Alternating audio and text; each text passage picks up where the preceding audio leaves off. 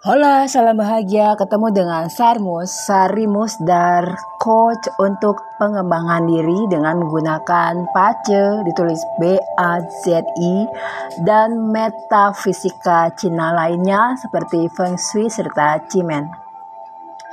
Kali ini saya nggak mau membahas tentang PACE, tapi mau menanggapi tentang kasus yang viral di Twitter dan juga beberapa media sosial.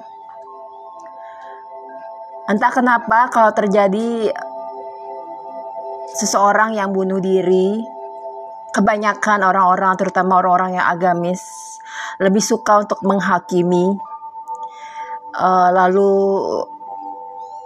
mengkasih memberikan label bahwa apa mereka itu yang bunuh diri adalah orang-orang yang berdosa. Memang secara agama dosa ya. Tetapi apakah selama orang itu memberikan tanda-tanda butuh pertolongan? Orang tersebut orang-orang yang menghakimi ini yang melabeli sebagai pendosa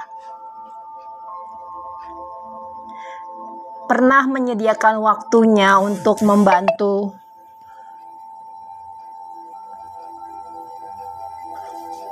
mereka yang benar-benar putus asa. Karena sebenarnya saat orang bilang uh, dia ingin bunuh diri, sebenarnya dia nggak pengen bunuh diri, dia nggak pengen mengakhiri hidupnya. Tapi itu kayak putus asa yang sampai puncaknya, seperti menghadapi tembok seolah-olah jalannya sudah nggak ada lagi atau mungkin berada di terowongan gelap dan seolah-olah merasa ini nggak akan ada sinar terang lagi. Yang di kasus ini kebanyakan orang-orang yang ingin bunuh diri atau sudah bunuh diri pernah berusaha untuk meminta pertolongan entah itu ke saudara-saudaranya atau ke teman-temannya atau mungkin kalau nggak dekat dengan saudara kakak adik atau keluarganya menulis di medsos. Tapi apakah orang-orang peduli saat orang-orang yang sedang putus asa ini? Jiwa yang sedang bingung galau. Apakah mereka menyediakan waktu Jangan hanya bisanya menghakimi tapi tidak pernah peduli. Orang-orang yang ignoran, yang nggak peduli inilah yang entah saya mau bilang apa ya. Merasa yakin diterima di surga tapi nggak peduli sama orang lain. Hanya ingin dirinya sendiri masuk surga tapi nggak ingin orang lain juga bahagia. Atau kebanyakan adalah karena di agama dibilang bunuh diri adalah dosa.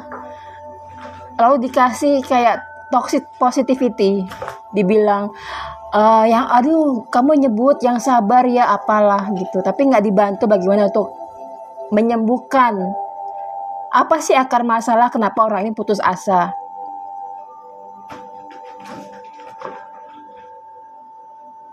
Atau uh, dibantu untuk mendengarkan setidaknya kalau orang sudah mengeluarkan perasaan tidak berdayanya, perasaan putus asanya, itu keluar sedikit, keluar sedikit energi negatifnya dia. Karena saya seorang yang empat, saya sering dulu dicurhati ya tentunya gratis. Dan kadang-kadang orang curhat nggak ingat waktu tapi sampai pada waktu saya menyadari untuk menjadi empowered empat, empat yang berdaya, saya harus memenuhi gelas saya dulu.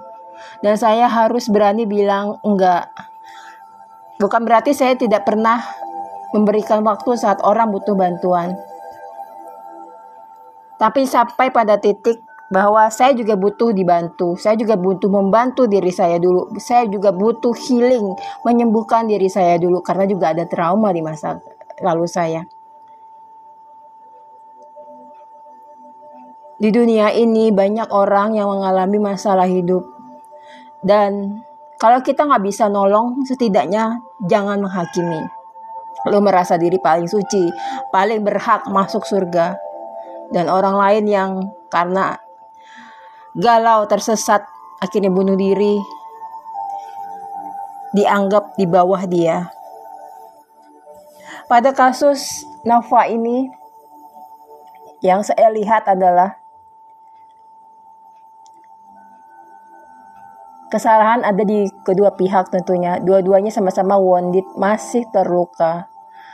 Yang laki mungkin tidak dididik oleh orang tuanya, atau kalau orang tuanya mendidik, dia dengan menjadi laki-laki yang berdaya, bukan toxic maskulin, bukan toxic male, dia nggak akan memperlakukan pacarnya seperti keset ya.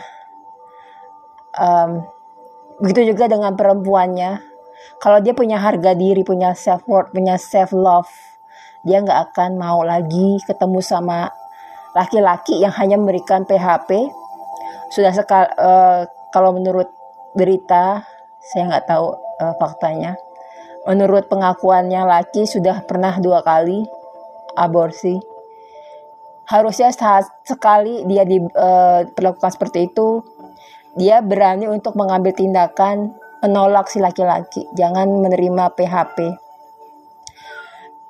Tapi mungkin masalahnya adalah di masyarakat kita orang senang menghakimi dan mungkin si perempuan ini masih belum bangkit jiwanya sehingga butuh validasi orang untuk disebut orang baik untuk disebut orang bahagia dan lain-lain. Apalagi keluarga si perempuan adalah keluarga yang seperti ini.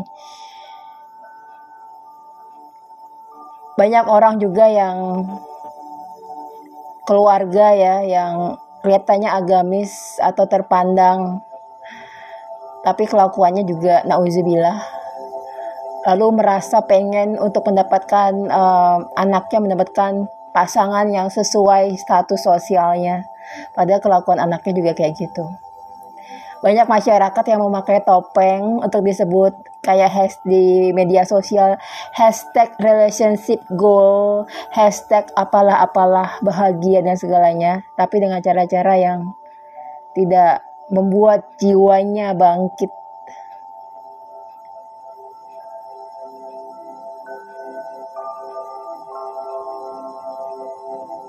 kalau jiwa kita sudah bangkit ataupun kita sudah menyembuhkan luka trauma di masa kecil, inner child wound, kita akan jiwa akan jadi jiwa yang kuat, yang percaya diri, yang tangguh, yang enggak lagi butuh validasi orang untuk kita bisa bahagia.